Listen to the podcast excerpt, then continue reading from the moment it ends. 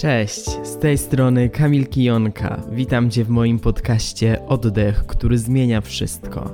Będziemy rozmawiać o fizjologii oddechu, o celebrowaniu oddechu i o oddechu, który pozwala się nam zatrzymać.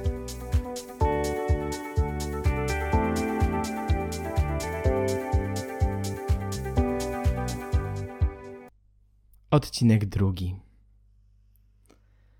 Nawet nie wiem od czego zacząć, bo tyle rzeczy się wydarzyło od ostatniego odcinka i bardzo, bardzo Wam dziękuję za takie ciepłe przyjęcie tego mojego gadania tutaj. E, ten podcast, ten mój kanał, e, Oddech, który zmienia wszystko, właśnie wygląda tak, jak tego bardzo chciałem. E, wygląda tak, jak rok temu, bo 28 lutego zeszłego roku powstał ten kanał.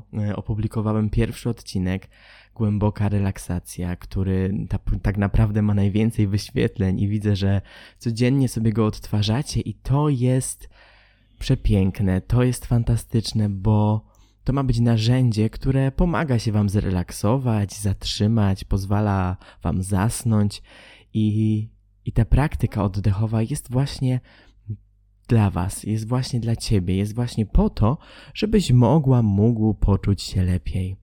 Ale w grudniu opublikowałem pierwszy e, odcinek tego podcastu, kiedy trochę opowiadam. Opowiadam o sobie. Dużo opowiadam o sobie w tym pierwszym odcinku i opowiadam o oddechu. I, i myślę sobie, że ten dzisiejszy odcinek będzie takim połączeniem trochę tego, czym się zajmuję na co dzień, czyli pracy jako logopeda i oddechu, bo y, zobaczycie, że to bardzo się ze sobą łączy, ale też opowiem Wam dzisiaj o tym działaniu układu nerwowego, autonomicznego układu nerwowego, bo ostatnio ten temat zaczął mnie bardzo, bardzo fascynować, a on bardzo łączy się też e, z tym oddechem, bo Często powtarza się, że oddech to najmocniejsze, najsilniejsze narzędzie. Często możemy to usłyszeć na różnych kursach, ja też często to powtarzam, że ten oddech to jest potężne narzędzie. I co to tak naprawdę oznacza? Oznacza to dla mnie tyle, że tym oddechem jesteśmy w stanie bezpośrednio wpłynąć na właśnie autonomiczny układ nerwowy. Ten autonomiczny układ nerwowy, on na co dzień działa bez naszej wiedzy, kontroli. Mm, on pozwala nam oddychać, on y, ustala pracę serca, więc on sobie działa. Ale my, zaczynając modyfikować oddech, kontrolować ten oddech, jesteśmy w stanie w sposób bezpośredni wpłynąć na niego i na jego działanie. Więc dzisiaj trochę o somatyce, czyli właśnie o tym odczuwaniu ciała, czuciu ciała i tak naprawdę działaniu w zgodzie ze swoim ciałem, ale będzie też miks logopedyczny, także mam nadzieję, że jesteście w przyjemnym miejscu, że możecie się rozsiąść, czy jeśli słuchacie tego w drodze do pracy, z pracy, czy gdzieś indziej, to zapraszam Was bardzo serdecznie. Ten miks logopedyczno-oddechowy mm, jest tym, co ja najbardziej lubię i tym, co kocham, bo tak naprawdę moje odkrywanie oddechu zaczęło się od logopedii. Mm, logopedia bardzo dużo mówi na temat tego prawidłowego fizjologicznego oddychania.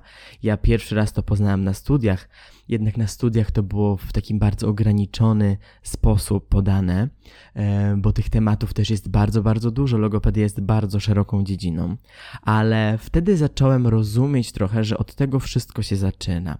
Później zacząłem sam się doszkalać, uczyć, chodzić na kursy i różne warsztaty i poznałem fantastycznych nauczycieli oddechu, których cały czas podziwiam i cały czas się od nich uczę i czytam książki i różne artykuły. Później troszeczkę zacząłem poznawać oddech od takiej duchowej, e, mistycznej, energetycznej strony, co nadal jest e, bardzo ciekawe i fascynujące, jak różnie można spojrzeć na ten temat i jak każdy ma troszeczkę inne mm, zdanie na temat wielu ćwiczeń, technik i tego, co się dzieje w naszym ciele. I myślę, że tutaj dla mnie zawsze najważniejsze jest zrozumienie po co i dlaczego.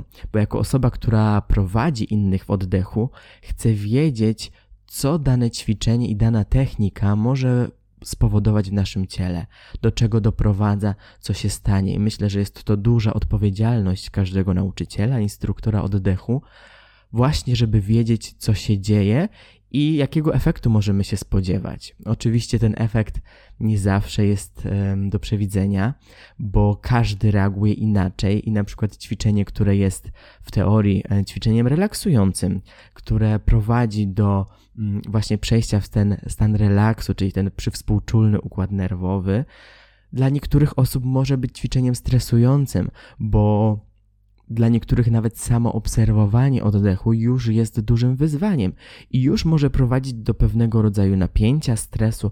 Dlatego mówię o tym, że warto przyglądać się sobie, warto czasem udać się e, do jakiegoś specjalisty, do kogoś, kto jest w stanie przewidzieć i odpowiednio ułożyć nam ten plan e, terapeutyczny, ten plan oddechowy. Dlatego ten oddech jest takim połączeniem dla mnie logopedii, która jest bardzo, bardzo ważnym fragmentem e, mojego życia. O tej logopedii też ostatnio bardzo dużo e, zacząłem mówić ze względu na wywiady, których udzieliłem. Jeden wywiad dla portalu Hello Zdrowie. E, później byłem gościem pytania na śniadanie, kiedy opowiadałem właśnie o tym, czy kiedyś jest za późno na wizytę u logopedy i od razu muszę tutaj powiedzieć, że nie nigdy. E, nigdy nie jest za późno. Na moich kanałach mniej mówię o tej logopedii, bo bardziej skupiam się tutaj na oddechu, ale dostaję też pytania, z jakimi osobami pracuję, więc myślę, że tutaj powoli e, przejdziemy sobie właśnie w ten temat, że jako logopeda pracuję z osobami dorosłymi z wadami wymowy, pracuję z pacjentami, z pacjentkami w trakcie leczenia ortodontycznego, czyli tutaj właśnie mm, prowadzę korektę funkcji mm, strefy orofacjalnej, czyli funkcji języka. Mamy tutaj na myśli pozycję spoczynkową, połykanie, odgryzanie, rzucie, ale też przede wszystkim oddech, bo od tego wszystko się zaczyna i czasem moim pacjentom rysuję taką drabinkę, żeby zwizualizować to, nad czym musimy popracować i żeby mieli w głowie taki plan, bo myślę, że u osób dorosłych jest to ważne, żeby wiedzieć do czego dążymy i jaka droga przed nami.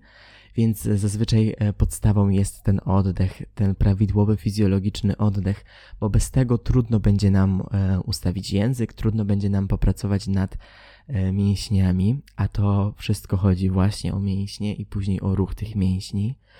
Pomagam doskonalić dykcję osobom pracującym głosem, każdemu, kto chce popracować nad swoją wymową, bo tutaj nie musimy się zamykać tylko na osoby, które gdzieś używają tego głosu, bo przecież spotykam codziennie, naprawdę codziennie spotykam osoby, które chcą po prostu czuć się pewniej z tym, jak mówią, lub kiedyś usłyszały jakieś przykre komentarze, często one nie są prawdą, ale po prostu chcą się czuć dobrze ze sobą. I ja mówię, że to jest fantastyczne, bo to jest tak jak ćwiczymy ciało, tak możemy ćwiczyć e, głos i to jak mówimy. To jest tak jak, e, nie wiem, uczymy się języka obcego, tak samo możemy pouczyć się tego, w jaki sposób wymawiać e, niektóre słowa, dźwięki, głoski, samogłoski. I niezwykle ważne jest dla mnie to tworzenie takich pozytywnych relacji. I o tym też często mówię, że to nie jest szkoła. Gabinet logopedyczny to nie jest szkoła. Tutaj e, ja nikogo staram się nie oceniać. Proszę też zawsze, żeby siebie jakoś bardzo krytycznie nie oceniać, bo to ma być miejsce przyjazne, bezpieczne. Chciałbym, żeby moi pacjenci lubili przychodzić e, do tego gabinetu, bo w innym przypadku to wiesz jak jest. Jak czegoś nie lubisz i kogoś nie lubisz, to nie chcesz tego robić i nie ma motywacji, więc ja też bardzo dużo o tym mówię. Jeśli masz jakieś pytania o tą stronę logopedyczną, to też zapraszam Cię e, może do tych wywiadów. Tam jest dużo pytań takich bardzo, bardzo podstawowych i tego, jak wygląda terapia logopedyczna dorosłych. Ja teraz trochę odpowiem na to pytanie z drugiej strony, czyli to pytanie, które bardzo często się pojawia. Dla kogo jest ten terapeutyczny oddech? Z kim pracuję? Kim są moi podopieczni i jakie mają potrzeby? I tutaj może to zabrzmieć zabawnie, ale dla każdego, naprawdę dla każdego. Ja wiem, że my lubimy szufladki i lubimy. Mm, i lubimy jakoś nazwać to, z czym się borykamy. Ale uważam, że każdy powinien spróbować tych technik oddechowych i niektórym mogą one pasować, niektórym nie. Ja nikogo nie zmuszam do tego, ale warto znaleźć coś dla siebie, coś, co nas reguluje, coś, co pozwala się na chwilę zatrzymać, zajrzeć tam do środka, bo nasza uwaga często jest na zewnątrz. Często y, odbieramy bodźce z zewnątrz, co jest normalne, ale tak rzadko odwracamy tą uwagę w drugą stronę. Tak rzadko odwracamy uwagę w stronę naszego ciała, tego, co się dzieje w środku. I myślę, że mm, ten oddech to jest ten pierwszy krok właśnie w stronę zrozumienia siebie i w stronę tego, żeby odczytywać sygnały z naszego ciała, bo czasem umysł może nam podpowiadać różne rzeczy, które tak naprawdę nie są prawdą, które są generowane właśnie przez ten umysł, a ciało zazwyczaj powie nam prawdę. Dlaczego tak to działa? No właśnie, dochodzimy do meritum dzisiejszego odcinka, czyli jak działa ten autonomiczny układ nerwowy. Jak już wspominałem, ten układ nerwowy reguluje wszystkie podstawowe funkcje ludzkiego ciała. Organy wewnętrzne. Jest on odpowiedzialny m.in. za oddech, za tętno, trawienie. Działa automatycznie, czyli bez naszej kontroli, bez naszej świadomości. Taką drugą podstawową funkcją jest zadbanie o to, abyśmy po prostu żyli, abyśmy pozostali przy życiu. Czyli monitoruje on wskaźniki zagrożenia i bezpieczeństwa, które są wewnątrz naszego ciała, e, ale też w naszym otoczeniu i w interakcjach z innymi. Czyli właśnie odczytuje to, czy możemy być w niebezpieczeństwie, i ta informacja dociera do mózgu, by poinformować nas, że musimy zadziałać, że musimy podjąć jakieś działanie, bo na przykład jesteśmy w zagrożeniu. Czyli on odpowiada za taką realną e, ocenę sytuacji i gdy wchodzimy w ten stan ochronny, ten układ nerwowy e, wchodzi w stan ochronny, jedynym naszym celem jest uchronienie naszego życia. E, system jest tak skonstruowany, że my nawet czasami nie zdajemy sobie sprawy, że coś nam grozi, ale możemy to poczuć już w ciele, bo na przykład odczytaliśmy sygnał, że ktoś jest dla nas niebezpieczny, że ktoś nam grozi, że pojawia się agresja, że jakiś taki ruch, zachowanie było nie okej. Okay. I to jest takie, często się o tym mówi, że bardzo pierwotny system, który chronił nas przed różnymi niebezpieczeństwami, na przykład dzikich zwierząt. E, my teraz często przez to, że żyjemy w takim świecie pełnym bodźców i, i, i różnych rzeczy, które nas otaczają, i dużo się dzieje, i dużo stresu, to często mm, ten układ nerwowy za często odczytuje to, że jesteśmy w niebezpieczeństwie. I ten układ nerwowy możemy podzielić na takie dwie odnogi, dwie gałęzi. Czyli właśnie przywspółczulny układ nerwowy. Możemy go sobie w skrócie nazwać, że on jest odpowiedzialny za relaks i spokój. I tutaj jego priorytetem jest e, zdrowie i odbudowa systemu po zagrożeniu i stresie. Czyli to chodzi o to, że my potrzebujemy obu aktywacji, czyli potrzebujemy się aktywować bo musimy czasami uniknąć e, jakiegoś e, stresu, jakiejś walki, musimy czasem uciekać, ale chodzi o to, żeby płynnie po tym zagrożeniu przejść w tą odbudowę, w ten przywspółczulny układ, w relaks i spokój. My często zostajemy za długo w tym stresowym układzie. My często nie potrafimy przejść z powrotem e, w ten stan odpoczynku, spokoju, relaksu. I dlatego warto ćwiczyć oddech, dlatego warto słuchać relaksacji prowadzonych, medytacji, żeby nauczyć się regulować ten układ nerwowy, żeby on był w elastyczności, żeby za długo nie pozostawać w tej aktywacji. Mm, więc ten układ odpowiedzialny za spokój, relaks odpowiada właśnie za odpoczynek i trawienie, za regenerację, i budowę odporności. Dlatego ja często mówię też, że ćwiczenie oddechu pomaga odporności. Jeśli nasze ciało jest cały czas w tej aktywacji, w tym stresie, no to wiadomo też, że jest e, bardziej podatne na różne, różne patogeny, wirusy, bakterie. Jak rozpoznać to, przejdźmy do praktyki, czyli to, co ja najbardziej lubię. Jak rozpoznać to, że jesteśmy właśnie w tym przywspółczulnym układzie nerwowym? I tutaj bardzo ważna jest obserwacja oddechu, czyli możemy zaobserwować, że ten oddech jest wolniejszy, jest e, głębszy w tym znaczeniu, że uruchamiamy przepony, mięśnie międzyżebrowe. Możemy zauważyć obniżenie ciśnienia krwi i pulsu, e, takie dokrwienie równomierne. Możemy zauważyć rozluźnienie spiętych mięśni, takie wolniejsze, miękkie ruchy, że nie ma tej sztywności, tego napięcia w ciele, w barkach. Możemy zauważyć, że nasze oczy się rozluźniają, to spojrzenie jest takie miękkie, delikatne, że twarz jest zrelaksowana, że nie zaciskasz zębów, że nie napinasz czoła, oczu że ciało się otwiera.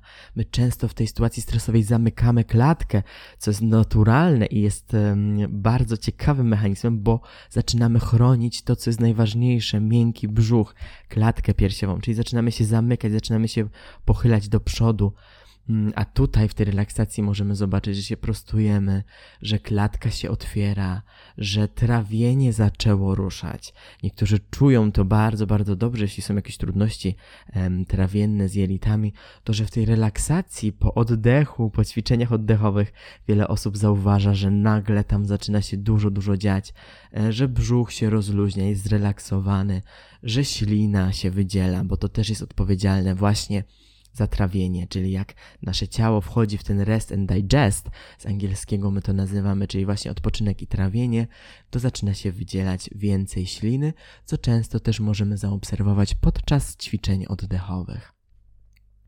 No i ta druga strona, czyli współczulny układ nerwowy, możemy go sobie nazwać takim słowem stres. I tutaj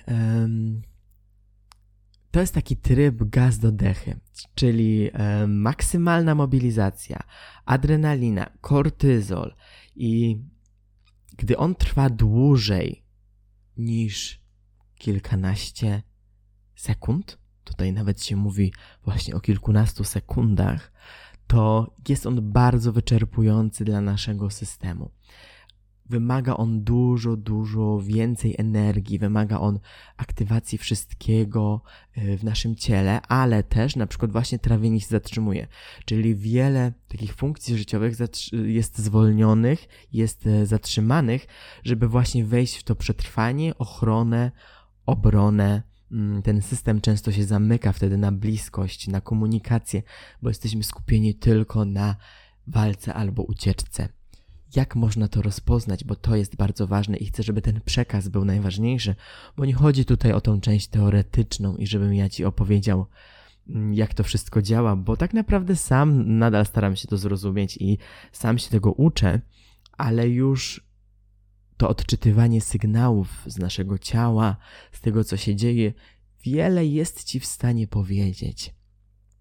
Oddech, płytki, często hiperwentylacja, czyli taki nadmierny, duży oddech, często ustami, często ten oddech jest ciężki, słyszalny. I to jest ok, żebyś mnie źle teraz nie zrozumiał, nie zrozumiała. To jest ok, jeśli naprawdę jesteśmy w zagrożeniu, to to się musi zadziać. Ale jeśli na przykład obserwujesz to, że jesteś w bezpiecznym miejscu, w samochodzie, jedziesz do pracy, a twój oddech jest właśnie bardzo szybki, chaotyczny ustami, no to tutaj musimy sobie zadać pytanie, dlaczego nasz układ nerwowy jest w tej stanie walki albo ucieczki. Dlaczego to się dzieje? Przyspieszona akcja serca, wzrost ciśnienia krwi. Dlatego u osób z nadciśnieniem tak ważny jest trening oddechowy, tak ważne jest praktykowanie oddechu, żeby właśnie pomagać sobie, żeby właśnie regulować to ciśnienie krwi sztywna, skurczona klatka piersiowa, unoszenie ramion do uszu, takie zaokrąglenie ramion, zaokrąglenie górnych pleców, czyli to, co już mówiłem, zamknięcie tutaj.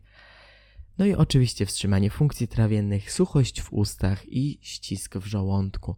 Często jak pytam różne osoby, gdzie odczuwają ten stres, gdzie odczuwają, że coś się dzieje, to właśnie często to jest brzuch, często to są jelita.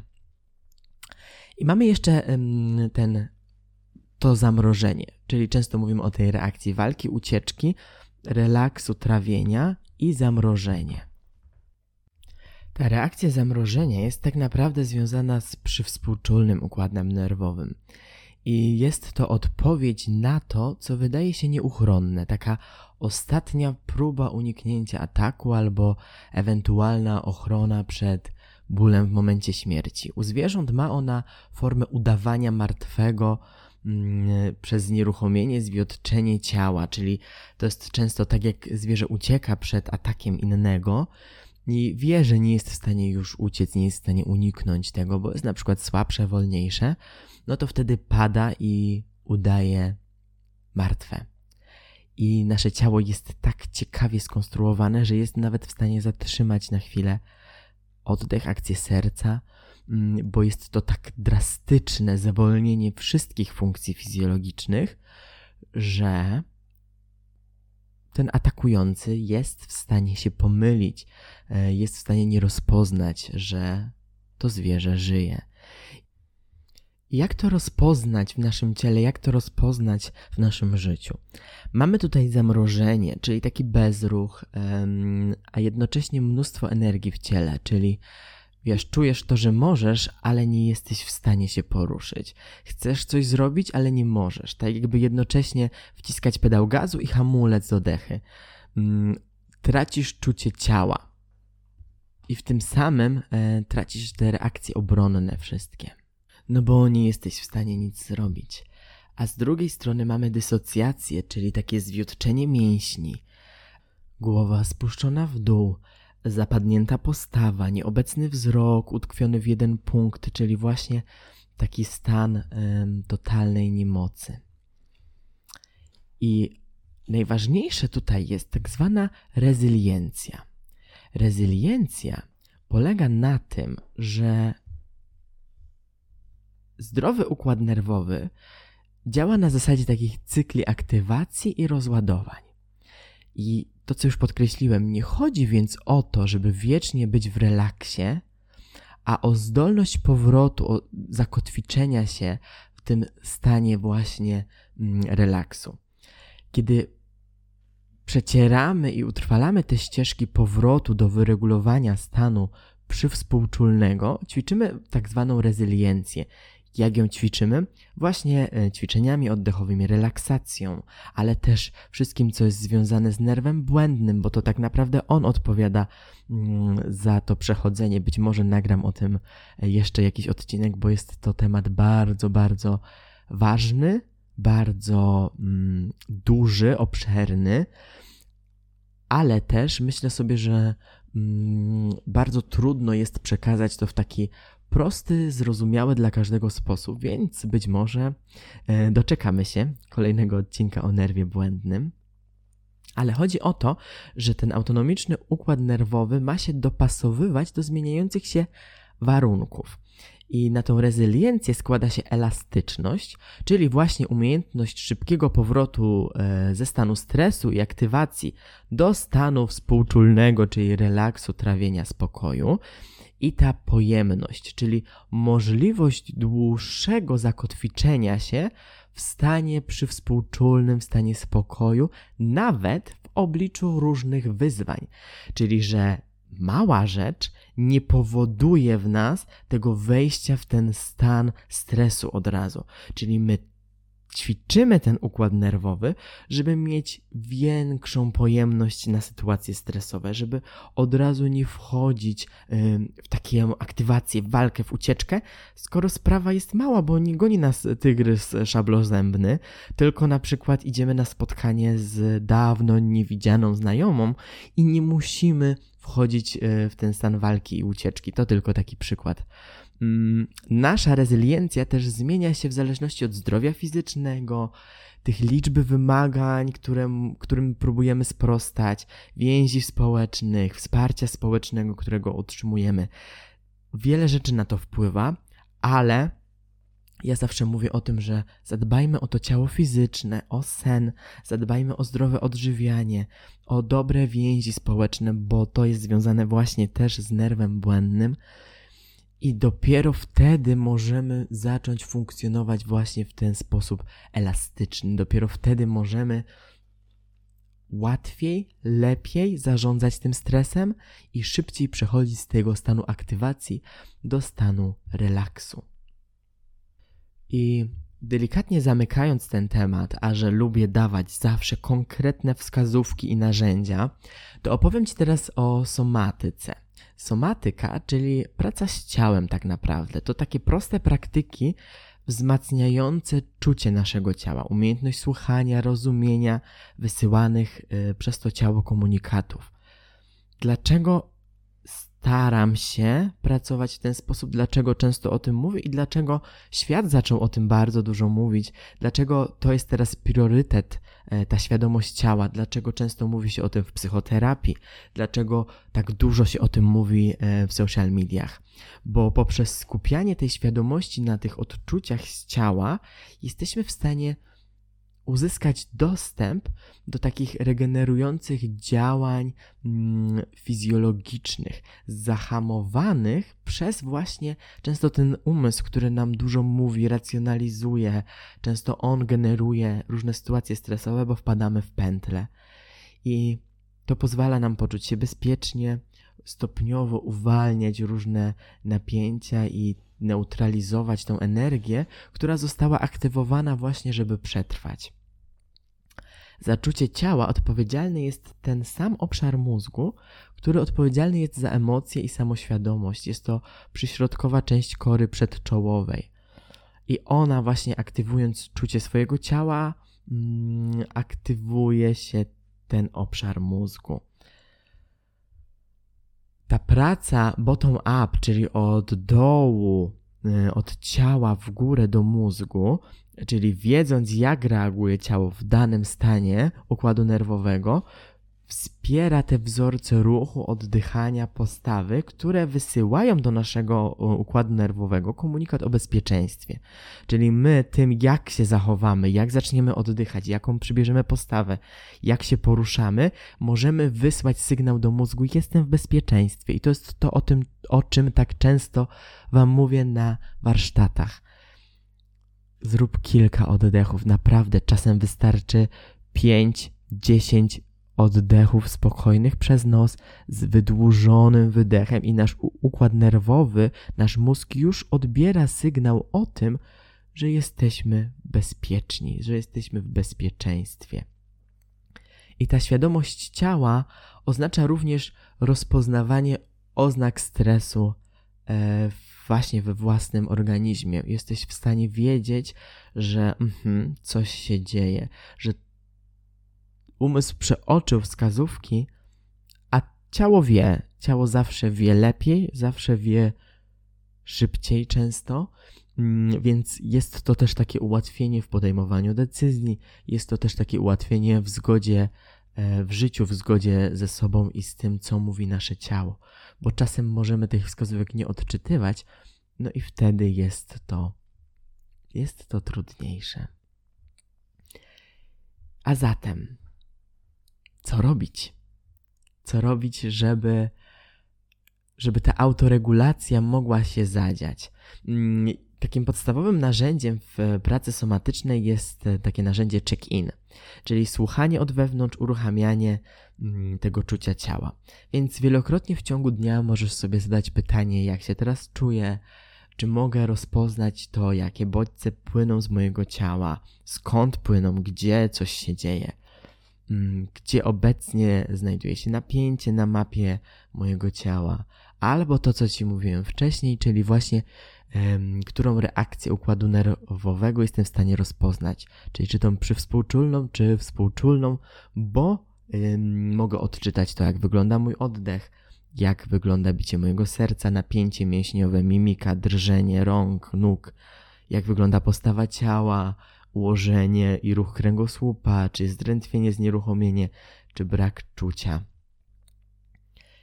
Ale też warto wejść później, po takim sprawdzeniu tego, co się dzieje wewnątrz, czyli tutaj wspaniałym narzędziem jest to narzędzie body scan, czyli skanowanie własnego ciała, które możesz na pewno mm, zobaczyć w niektórych moich praktykach, na pewno w tej praktyce na dobranoc em, gdzieś to wprowadzam, ale też w praktykach na żywo zawsze staram się zacząć od tego, żeby się połączyć z tym własnym ciałem.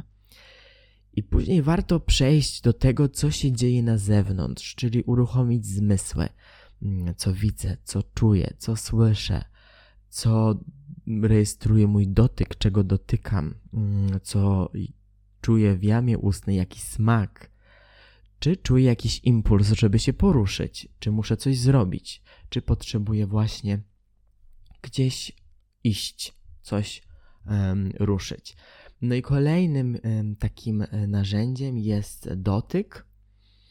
Dotyk stymuluje produkcję oksytocyny, i to nie musi być dotyk generowany przez kogoś, ale my sami możemy się dotykać, my sami możemy się przytulić, my sami możemy podtrzymać się za rękę, pomasować tam, gdzie czujemy napięcie. Ja bardzo często to robię, prawie codziennie. I wiem, że trudno nam w to uwierzyć, ale właśnie w tych momentach stresowych, w momentach, kiedy potrzebujemy wsparcia, warto zrobić mm, na przykład taki uścisk motyla, czyli skrzyżować sobie ręce na klatce piersiowej, jakbyś chciał, chciała się objąć, przytulić. Mm, prawą ręką obejmij swój lewy bok na wysokości serca, lewą ręką obejmij prawe ramię. Obserwuj swój oddech. To jest taki czuły gest wobec siebie wspiera to bardzo w takim przywróceniu równowagi. Jest to też taki symbol mm, tego, że jesteśmy dla siebie dobrzy, czuli i że nasze ciało jest ważne. No i oczywiście mm, najważniejszym narzędziem, o którym ja często, często mówię, jest oddech. W stresie oddychamy bardzo szybko. Zamiast 10-16 oddechów na minutę, robimy 15-20 i więcej. Często płytko, często przez usta, co powoduje hiperwentylację, czyli takie nadmierne oddychanie. Powoduje napięcie, skrócenie tych mięśni oddechowych, uruchomienie dodatkowych mięśni oddechowych, mm, których nie chcemy uruchamiać e, tak naprawdę. Oddech w stresie odbywa się tym torem górno-żebrowym, czyli zaczynamy unosić barki do uszu. Mm i tutaj ważne jest to ćwiczenie, to aktywowanie tego oddechu relaksacyjnego, czyli wolnego przez nos wydłużania oddechu, właśnie żeby uczyć się tej rezyliencji, właśnie żeby umieć przeskoczyć z tego stresowego, może nie przeskoczyć, bo to niedobre słowo, ale przejść spokojnie z czułością w ten stan relaksu. Więc tutaj um, jedna propozycja oddechowa. Jak jesteś gdzieś tam na moich e, kanałach, to wiesz, że jest ich bardzo, bardzo dużo, ale ja tutaj proponuję wydłużanie wydechu. Wydłużanie wydechu, czyli sprawdź, ile sekund trwa Twój wdech.